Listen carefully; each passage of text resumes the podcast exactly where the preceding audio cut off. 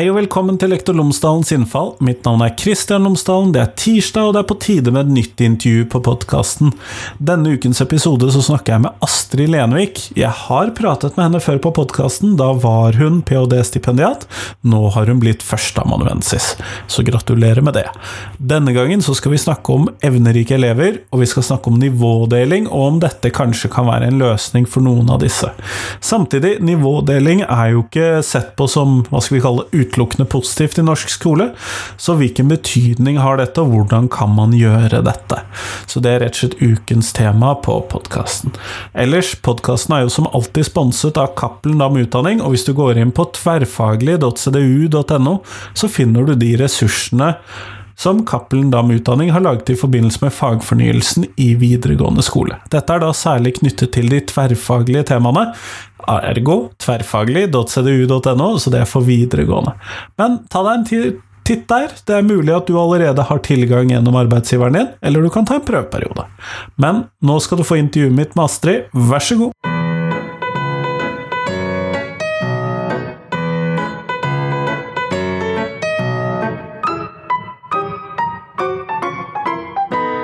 Dumt med podkast uten lyd.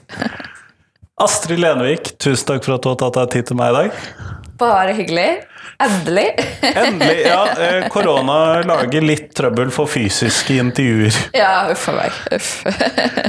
Eh, Du har jo vært med på podkasten før, men jeg tenker at du er nødt til å introdusere deg likevel. Så Ja. kan du fortelle lytterne mine tre ting om deg selv? Ja, eh, jeg heter Astrid Lenvik. Jeg har akkurat levert eh, min eh, doktorgradsavhandling om evnerike elever i Norge. Jeg har tidligere utdannelse som spesialpedagog med master og bachelor i spesialpedagogikk. Jeg har jobbet i PP-tjenesten og i Statped Vest før jeg begynte på universitetet. Kjempeflott. Tusen takk. Men eh, hva er det du har eh, Kan du fortelle mer om det, dette prosjektet ditt? Jeg har gjort det som kalles for en mikset metodeprosjekt, hvor jeg har både da gjennomført en kvantitativ spørreundersøkelse og kvalitative intervjuer. Så i den kvantitative spørreundersøkelsen så har jeg fått svar fra 339 lærere rundt omkring i Norge. Og så Det er et ganske godt antall. Ja, det kommer litt an på hvem du spør. For det er ikke et representativt utvalg. Det Nei, det det blir det sjelden. Ja. Eh, og det er ikke alltid så lett å få lærere til å svare på eh, spørreundersøkelser. De, har, de får ganske mange spørsmål om veldig mye de skal svare på. Men det er en halv prosent av alle norske lærere, da. Ja da, så det, det er jo litt. Ja. Så, men eh, jeg hadde da egentlig et ønske om eh, å få enda flere. Fordi jeg sendte opprinnelig ut den spørreundersøkelsen til eh, alle skoler som er registrert som 1-10 skoler i Norge. Som er sånn ca. 650 skoler. Som da var sånn ca. 16 000 lærere. Eh, og av de 650 skolene så var det 32 skoler som svarte at ja da, de kunne sende undersøkelsen videre ut til lærerne sine. Og så var det da eh, 122 lærere som svarte fra de 32 skolene. Så det var ganske laber oppslutning, for å si det sånn. Det er alltid vanskelig forskning. Ja. Men jeg fikk heldigvis eh, knytte meg til eh, en kommune her på Vestlandet som eh, sa at de var villige til å stille sine skoler til disposisjon, og så fikk jeg dra rundt på skolene og være der mens de svarte på spørreundersøkelsen, og så holdt jeg foredrag for de etterpå. Så det funket veldig greit. Det hørtes ut som en god løsning. Men hva er det du har eh, funnet ut da i løpet av denne prosessen? Jeg har funnet ut ganske mye. Eh, På den eh, spørreundersøkelsen så er jo litt av hovedfunnet at lærerne ønsker seg mer kunnskap om denne elevgruppen. De føler ikke at dette her er noe de har lært noe om i lærerutdannelsen, f.eks. Og eh, de, de som sier at de kan noe om det, de sier at de først og fremst har lært seg gjennom erfaring, gjennom å møte disse elevene i klasserommet. Så de har det eller så har de kanskje lest noen artikler sjøl. Men det er ikke noe som ble tatt opp som et tema. på Så selvstudium og erfaring er det som eh, Jepp. Eh, Og så hadde jeg sånn ulike karakteristikker som ba de om å si seg enig eller uenig i, da, på en sånn fempunktskala. Eh, og da var det først og fremst de positive karakteristikkene de sa seg enig i. At de syntes at dette var skoleflinke elever som eh, jobber hardt, som er lærevillige, og som er disiplinerte og flittige. og har et avansert språk, mens de mer negative karakteristikkene de var de mer uenige. Med unntak, og det syns jeg var litt overraskende, av urolig. De var, de var Så urolige, men skoleflinke elever. Ja. ja. Det var nesten halvparten av lærerne var enig i at de denne elevgruppen også er urolige. Men slags, hvordan de er urolige, det vet jeg jo ikke. For det var jo ikke noe de svarte på. Så om det er sånn at de vandrer rundt i klasserommet, eller om de bare sitter og fikler med noe, eller Småprater i timene. For eksempel. Ja. Det vet vi ikke. Så det må vi finne ut av en neste runde. Høres ut som et prosjekt for en ny stipendiat. Ja. Oppfølgingsprosjekt. Ja, det er jo også mulig. Men sånn at du har jo da sett på hvordan den kompetansen og hvordan man møter da disse evnerike elevene. Um, og når vi snakker om en sånn gruppe, hvordan definerer du da denne elevgruppen? Om vi bare kunne ta det litt sånn kjapt også? Ja. I den spørreundersøkelsen så brukte jeg definisjonen til IDSE. Skal se om jeg finner den her. For hun har en litt sånn annerledes definisjon. Fordi det som er vanlig, er jo at man tenker på de innenfor et sånn IQ-perspektiv, og at man sier at de som når så og så høyt på IQ-skalaen, de er evnerike. Men det kan man jo ikke bruke i en spørreundersøkelse til lærere, for de vet jo ikke IQ-en til elevene sine. Nei, det ville vært litt spesielt hvis ja. vi visste. så Idse, hun eh, forklarer det sånn at elever med ekstraordinært læringspotensial, det er elever med et sterkt behov og potensial i akademiske eh, fag som matematikk, som i lesing, skriving eller språk, i naturfag, teknologi eller andre kreative, estetiske fag, og som kan transformere sitt potensial til talent hvis de blir møtt i et rikt og responderende læringsmiljø. Så det hun inkluderer da, er ikke noe sånn spesifikt cutoff point, at du må ha så og så høy IQ eller så og så mye potensial, eh, men at du har et potensial som ligger der, og så trengs det det miljøet rundt da for å utvikle dette potensialet videre. Nettopp, nettopp. Veldig mm. greit å vite sånn ja. Eh, når man snakker om dette. Men eh, i løpet av dette arbeidet, har du kommet fram til noen tanker om hvordan vi som skole kan og bør møte disse elevene? Det er vel kanskje det mest fornuftige å skulle peke videre på? Ja. Eh, jeg intervjuet jo også 17 elever. Eh, og de fortalte at uh, altså de har, liksom, de har hatt det helt greit, stort sett, på skolen, men de har måttet klare seg veldig mye sjøl. Uh, og sånn som en elev fortalte, så følte han at han ikke fikk undervisning i matematikk. Fordi at han lå så langt foran de andre elevene, så han ble liksom satt på et rom alene og måtte jobbe med boken alene. Her er oppgavene dine. Ja. mens han ønsket jo da at han faktisk hadde en lærer som underviste han, eh, og som forklarte han ting, sånn at han ikke måtte finne ut av alt sjøl. Selv. selv om det gikk relativt greit, så savnet han det, eh, og sa at han hadde egentlig ikke hatt det de siste tre årene. Eh, han gikk nå i åttende trinn. Ja. ja. Så han har ikke hatt nevneverdig undervisning i sjette, sjuende og åttende? Nei. Nei. Det var jo potensielt litt tidlig. ja, og det var liksom noen av elevene de forklarte at de, de kunne på en måte berike undervisningen sjøl med at de fant på egne altså, gøyere oppgaver som de kunne gjøre. F.eks. for eksempel ei hun fortalte om en sånn engelsk oppgave eh, hvor de da hadde fått beskjed om å skrive noe om apartheid. Eh, og så hadde de tre eller fire forskjellige oppgaver de kunne velge mellom. Og det var sånn Nelson Mandela, fengselet og sånn veldig konkrete oppgaver. Og hun syntes ikke noen av de var noe interessante i det hele tatt. Eh, Og syntes liksom hele oppgaven bare var dødskjedelig og gruet seg til å skrive og hele pakken. Eh, Og så leste hun litt forskjellig, og så kom hun over en artikkel som eh, snakket om musikk i apartheid. Og ble kjempegira og spurte læreren om hun kunne få lov til å skrive om det istedenfor, og det fikk hun lov til. Og da ble det veldig bra, for da fikk hun på en måte skrudd seg inn på en interesse som hun likte, da. Og eh, klarte å utnytte det for å berike oppgaven for seg sjøl. Nettopp sånn at uh, disse elevene opplever at de er nødt til å eh, Enten at de sitter mye alene og jobber, eller at de er nødt til å så faktisk utvide noen av oppgavene på egen hånd, da, for at de skal få de utfordringene de har behov for. Ja. Uh, og så har vi i eh, litteraturen, da, så fins det en del eh, sånn beste metoder da, for å kunne hjelpe disse elevene. Eh, og Gagne, som er en av eh, de store innenfor litteraturen på Gifted Education, han snakker om de fire D-ene, som da er density, difficulty, deft and diversity.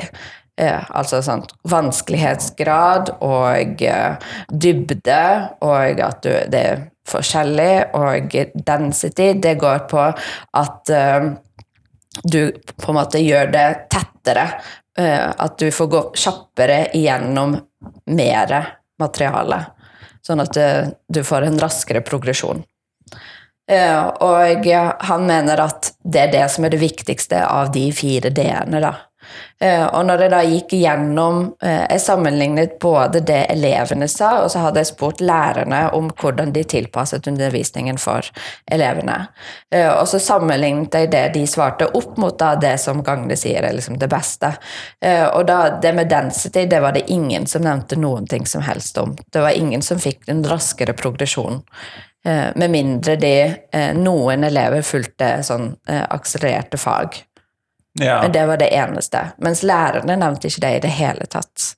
De nevnte stort sett at de ga oppgaver som ga de mer dybde, eller som var vanskeligere. Men det var ikke noen form for å gi de en raskere progresjon. Men øh, sånne akselererte fag, eller forserte løp, eller hva vi nå kaller disse ja, tingene, ja. øh, det er jo ikke spesielt vanlig i Norge, er det det? Nei, det er ikke det. Det kommer jo veldig an på skolene.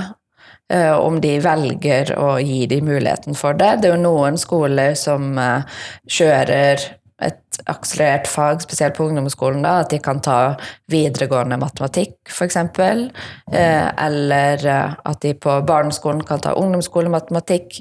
Men eh, igjen, sant? det blir opp til hver enkelt skole om de velger å legge til rette for det eller ikke. Så da blir det jo ganske store forskjeller rundt omkring i Norge. Og det er jo egentlig ikke noe vi ønsker i Norge, at det skal være store forskjeller på om du går på en byskole eller en bygdeskole, f.eks. Eh, Men eh, her, for disse elevene, så blir det jo det. Og sånn som her i Bergen, så har vi jo Vil Vite, som har et talentsenter. eh, Hvor da de elevene som blir med der, de kan få møtes en gang i måneden. Med, hvor de da jobber med oppgaver i matematikk og naturfag og sånne ting. Men eh, det er jo ikke alle steder som har de talentsentrene, og som har den muligheten. Så det Jeg tenker vi burde få til en større Altså, for det første få ut mer kunnskap om dette her eh, blant lærere, hvordan de skal, kan tilrettelegge, og hva som er nødvendig å gjøre, men også å få til et bedre system på det.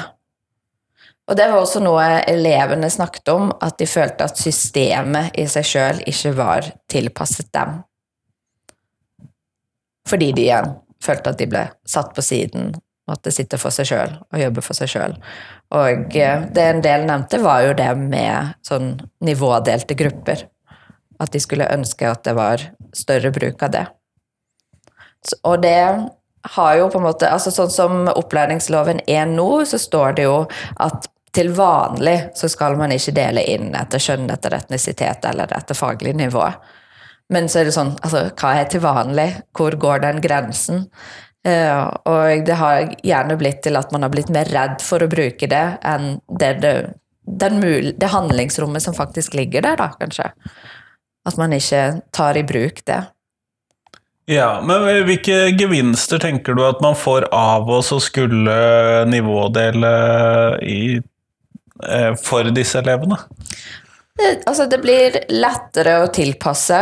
Eh, det er én ting, men eh, det som jeg først og fremst tenker er viktig, er jo at da får de muligheten til å treffe andre på samme nivå.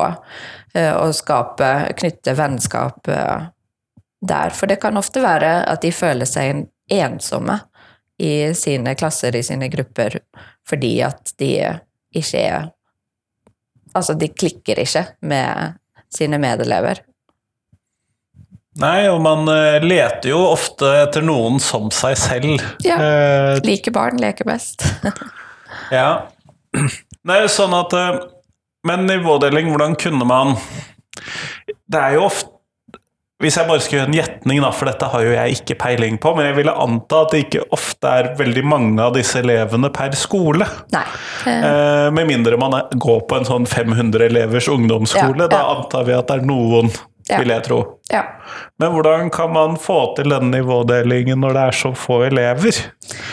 Nei, det må jo i så fall være å knytte flere skoler sammen. Eh, at man går på tvers av skoler. Nå har vi jo eh, fått gjennom korona innblikk i hvordan vi kan eh, gjøre sånne ting digitalt, så det kunne jo vært en mulighet. At man åpnet opp for det. At de kunne få lov til å treffes digitalt, også eventuelt fysisk en gang i måneden eller noe sånt. Men at det hadde i hvert fall gjort det lettere å få spredd det litt mer på i mer uh, Altså i de områdene som ikke har like tette skoler, da. Uh, at det gjør det litt lettere. Uh, men det kommer jo også an på hvilke kriterier du legger til grunn for hvem som regnes som et stort læringspotensial eller ekstraordinært læringspotensial. Uh, og her er jo da på, på, en måte mye av diskusjonen ligger innenfor feltet og innenfor litteraturen, fordi at uh, det, altså det, er noen som argumenterer veldig for på en måte det der cutoff-pointet, uh, mens det er andre som har mer sånn vide, sånn som Idse sin definisjon, som hvor dere kan plassere ganske mye, mange elever egentlig, inn i den definisjonen. Og mye handler om at vi er åpen for at man ikke tenker helt likt, eh, og at man kanskje bør differensiere mer generelt. Ikke bare for den elevgruppen, men også for andre elevgrupper. Så hvis man åpner opp for at man har en større diversitet også i undervisningen og i måten man eh, tenker om undervisning, så kanskje det kan være til hjelp. Uten at man da trenger å plukke ut enkeltelevene som skal hit, og som skal dit. Eh, og sånn, når det gjelder eh, det med grupperinger, så har jo Hattie f.eks. funnet ut at uh, sånne faste grupper på nivå, det hjelper ikke. Men det å ha fleksible grupper, hvor du da gjør om underveis, det har ganske stor effekt på undervisningen. Nettopp. Men hvis man da ikke har en sånn fast cutoff point, så vil det jo da kunne være type at man tar alle de elevene som ser ut til å mestre, mestre faget i den grad at eh, de ikke får noen utfordringer i den vanlige undervisningen, eller noe sånt, da. Mm, for eksempel. Og at man da gir de andre typer oppgaver. At de får lov til å jobbe mer med dybdeoppgaver, f.eks. Nå har vi jo fått fagfornyelsen, og eh, det er jo en av de tingene som ligger i fagfornyelsen, at det skal være muligheter å gå i dybden. Så hvordan det påvirker uh, undervisningen uh, i det enkelte klasserom, det har vi jo til gode å se enda, men uh, jeg håper jo at det blir tatt opp med det, da. At man får lov til å virkelig sette seg inn i enkeltområder og fokusere på det til tider. At det ikke bare blir sånn overflatekunnskap. Når man snakker om denne typen tematikk, så snakker man jo veldig ofte om naturfag og matematikk og sånn. Og mm. du nevnte jo også Vil Vite-senteret, som jo for så vidt også har vært med på en podkastepisode om ja. evnerike elever ja. hos dem. Ja.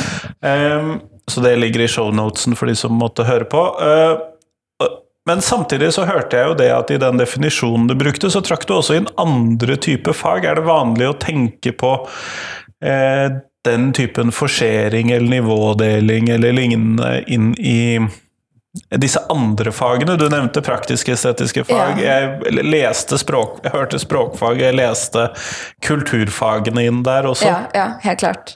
Nei, altså dette her skal jo i utgangspunktet romme alle elever, alle fag. Eh, Men eh, det har helt klart først og fremst blitt tenkt i en sånn logisk, matematisk eh, tankegang innenfor De klassiske nerdene. Yes, rett og slett. Eh, men eh, hvis vi går tilbake til Gagne, f.eks., så har jo han det han kaller for en sånn differensiert modell, som, hvor han snakker om utviklingen fra gifts til talents. Hvor da gifts er da det, det naturlige evnene som du er født med, og så går du gjennom en prosess som da blir påvirket både av miljøet og av dine egne andre typer egenskaper, som f.eks. utholdenhet og eh, interesse og alle sånne ting. Og så kan det da utvikle seg til et talent som du da kan jobbe med. For eksempel eh, hvis du har eh, logisk, en, logisk, en god logisk evne, så kan jo det utvikle seg til et talent innenfor akademia, men det kan jo også utvikle seg til et talent innenfor sjakk. Og det handler jo da om hva du møter i løpet av den utviklingsprosessen. Men han nevner jo også da eh, kunst og musikk og dans og andre typer evner, som også da kan utvikle seg til talenter. Men i Norge så ser vi jo da først og fremst Altså, disse her, de får jo ikke støtte for å utvikle sine evner i skolen. Kreative og estetiske fag har jo ikke den ikke de som blir eh, tatt mest vare på i den norske skolen. Så det er først og fremst utenfor at disse her kan få muligheten til å utvikle sine evner. Og da har, sant, innenfor kulturskolen så har du jo sånne type eh, talentløp, hvor de da plukker ut de som er ekstra flinke i, eh, til å spille fiolin, f.eks., og gi for ekstraundervisning og får muligheten til å få mentorer og sånne type ting, men ikke i skolen. Nei. Eh, Og du ser jo det samme i sport, sant? Idrett. Ja. Ja, det er vel kanskje litt mye å håpe på at eh, man skulle legge om Særlig for kroppsøvingsfaget, så måtte man jo omdefinert hele faget i så fall, hvis det skulle eh, fungert inn der. Men Ja. sånn type samfunnsfag og KRLE f.eks., hvis man har Ja. særlig interesse og evner der, da, så ja, det burde jo helt klart vært mulighet for det. Eh, forserte løp innenfor de fagene er nesten ikke eksisterende. I hvert fall ikke i nordisk sammenheng. Det finnes nok eh, i USA, men da er det jo mer at du går i en sånn spesiell klasse. her er de ekstra flinke elevene Ja. i dette faget. Eh, ja, eller generelt at eh, du går i en gifted and talented gruppe eller klasse, og at du da får ekstra vanskelige oppgaver i alle fag. Eh, men eh, det noe altså det skal jo ikke være noe problem å gi de ekstra dybdeoppgaver og den type berikelse i, i den norske skolen. I de vanlige fagene, eh, som de da er flinke i. Men, men det betyr jo at man må se de. Ja. Men hvordan skal jeg som lærer da i en fag, enten det gjelder matematikk eller i eh, norsk eller i eh, språkfag eller et eller annet, eh, hvordan skal jeg klare å se de? Altså, du må være åpen, eh, både for at eh, det de Altså, hvis de er urolige, f.eks., at det de viser, kan være tegn på noe annet. Eh, men også møte Fordi de kommer jo gjerne med et sånt stort engasjement, i hvert fall som eh, eh, småskoleelever. Og nå har jeg Jeg underviser i et emne, et fempoengsemne nå, som heter Gifted Education Internationally. Som er et internasjonaliseringsemne her på UiB. Og vi hadde første samling i går, og da delte de studentene litt sånn generelle erfaringer og sånt med tematikken. Og da var det ei som fortalte at hun husket da fra andre trinn eh, så hadde hun en medelev eh, som kom til læreren og fortalte Se, jeg har gjort ferdig hele matteboka! Eh, og læreren svarte da Ja, men hva skal jeg gjøre med deg nå, da? Og da har du litt sånn da møter du ikke de men på en åpen og nysgjerrig måte. Da blir, du, da blir de stengt. Sant? Da stenger du for deres videreutvikling med en gang. Og sier nei, skal du bare gjøre boka på nytt igjen? Viske den ut? Ja. Det fikk jeg høre fra en av elevene faktisk som jeg intervjuet. Han ble bedt om å viske ut uh, alt det han hadde gjort, for langt. Ja, jeg håpet at jeg fleipet. Ja, Nei, dessverre. Det skjer. Ja. Nettopp. Men så møte elevene og se de ja. er en del av det. Men da, ja. hvis man skal kunne klare å lage denne, oppfylle denne density-bokstaven, da Ja. Da tenker jeg at da må man eh, Det er vanskelig for hver enkelt lærer å gjøre det, da må man gå opp på hvert fall skolenivå, eh, sånn at man får flere til å gå sammen. Eh, og hvis f.eks. alle matematikklærerne da går sammen og lager et litt sånn forsert løp som de kan gi ut til sine, lærere, nei, til sine elever, og at man gjør det samme innenfor de forskjellige fagene, da, at man har en liten portefølje som man kan bruke når man møter disse elevene, så kan jo det være et sted å begynne tenker jeg. Men så handler det jo også litt om å se altså, deres interesser og møte de på det. Hvis de har noen uh, veldig sånn, spesifikke interesser som de brenner for, så kanskje de kan få lov til å fordype seg enda mer innenfor det. Ja, for dette er jo ikke eh, Hva skal vi kalle det? Disse elevene ligner vel ikke nødvendigvis på hverandre? Nei, det gjør de jo ikke. De er jo like forskjellige som alle andre elever. ja, fordi at det, ofte så dette ser jeg jo i klasserommet, fordi at når du har da 20 elever, eller 24, eller 32, eller hvor ja, mange du nå har i dette ja. klasserommet, så er det jo vanskelig å skulle lage tilpasset opplæring for alle elevene, og da skjønner jeg at det blir veldig lett å skulle lage noe som løfter alle til samme sted. Ja, eh, og det skjønner jeg også. Eh, og det, det er det som på en måte er eh, sånt, fordelen med å sitte utenifra eh, og uh, se på dette med et forskerblikk. Da kan du peke på sånne ting som man kan gjøre annerledes, men når du sitter der som lærer sjøl og med alle elevene, og du vet at ja, jeg burde hjulpet Hans sånn at han kommer seg enda lengre, men jeg har også Henrik som driver og løper rundt og trenger en annen type stimuli. Eh, og stakkars Ida som er supersjenert og ikke tør å treffe på noen. Og, ja, altså, det er veldig mye som koker inni et klasserom. Eh, og eh, vi har jo ingen perfekte løsninger på dette her. Men hvis vi skulle gjennomført i større grad med nivådeling, da er det noen ulemper som du ser eh, knyttet til å ha mer nivådeling inn i norsk skole? Ja, altså Faste nivådelte grupper er ikke nødvendigvis heldig. Fordi altså, det er jo et viktig prinsipp i den norske skolen at man får uh, møte ulike elever. Uh, at man ikke, det ikke blir for likt heller. Man skal treffe på alle mulige slags elever. Eh, og bli kjent med samfunnet som sådan. Det er det som er fint med skolen, at det er et litt sånt minisamfunn. Eh, så hvis, man, hvis det blir for likt, og det blir for eh, like grupper, så er ikke det heldig i lengden. Men at man kan gjøre det innimellom, eller ha, altså ha sånn fleksible grupper, som Hattie nevner, det tenker jeg kan være mer fornuftig. Men hvis jeg som lærer skulle ønske å få dette til på skolen min, da, og ha mer nivådelte, har du mm. noen tanker om eh, hvordan få det til? Eh, jeg tenker det må tas opp med eh, altså skoleledelsen. Eh, at man kan få til et prosjekt på skolen som sådan. Eh, og kanskje knytte grupper på tvers av klasser. Det kommer selvfølgelig an på hvor stor skolen er, og hvor mange klasser og alt det der. sant? Har de 20 elever, eller Ja, ja, ja, ja ikke sant. Eh, men også tenke litt at kanskje ikke bare femte trinn, men at man tenker litt utover trinnene, da. Ja, for aldersblanding har vi ikke snakket om. Nei, og det kunne jo vært en mulighet.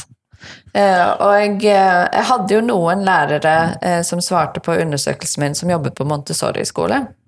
Eh, og der er jo aldersblanding vanlig. Sant? Der har de ofte eh, første til fjerde trinn sammen. eh, og femte til syvende trinn sammen, og så ungdomsskole sammen.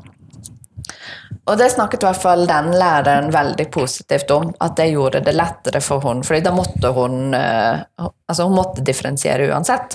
Hun kunne jo ikke gi nødvendigvis de samme oppgavene til førsteklasseeleven som til fjerdeklasseeleven.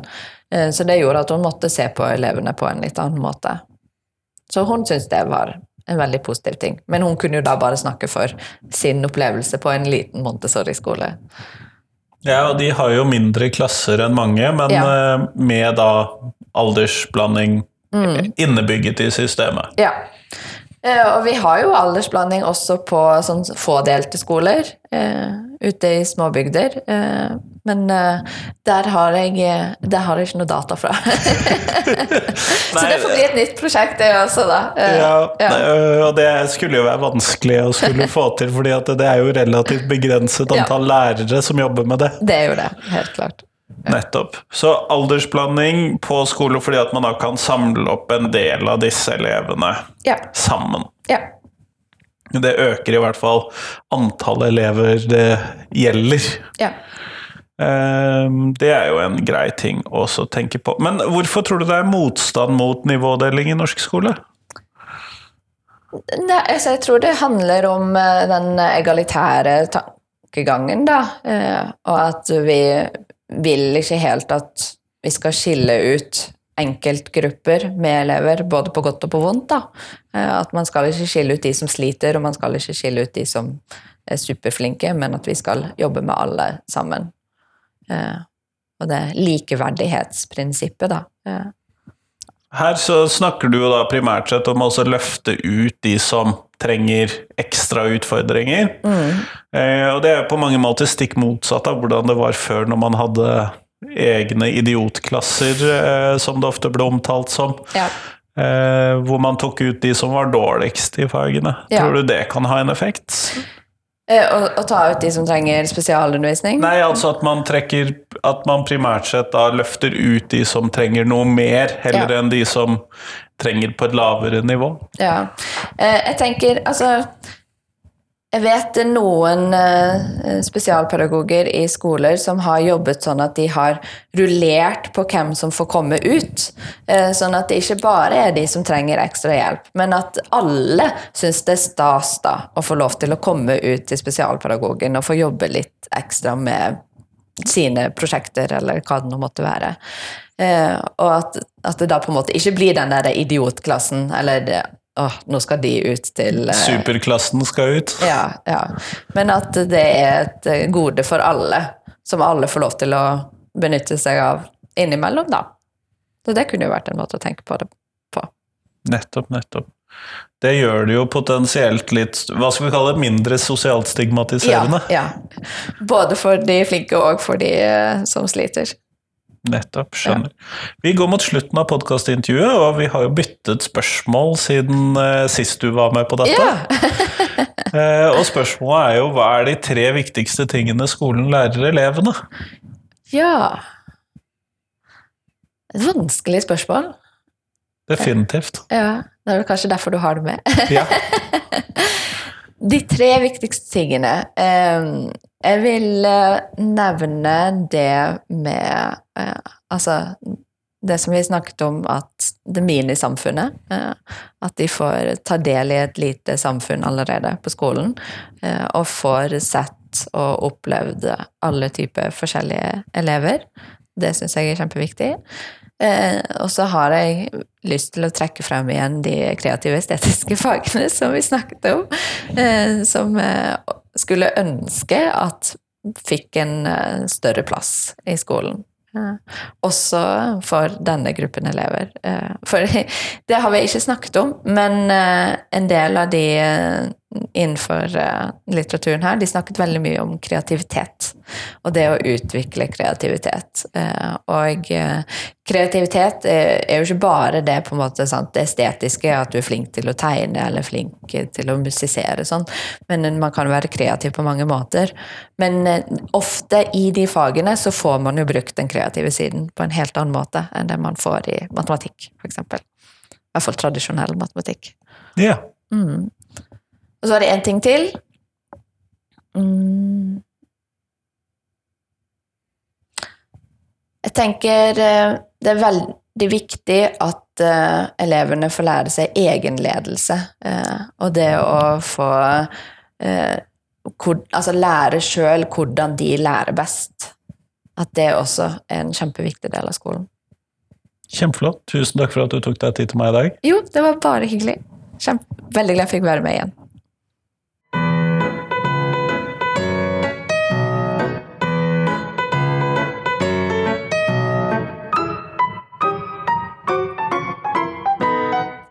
Tusen takk til Astrid, og tusen takk til deg som har hørt på.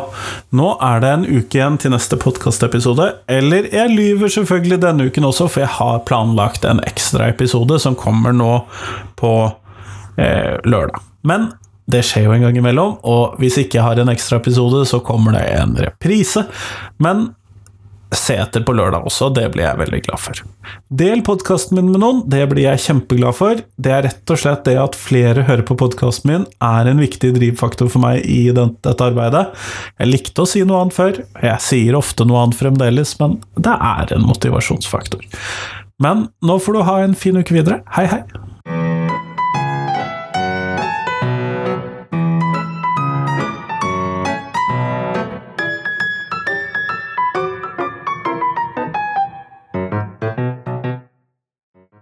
Husk at eh, jeg trenger tips om hvem som jeg kan ha med på podkasten. Det hjelper utrolig mye. Vi høres!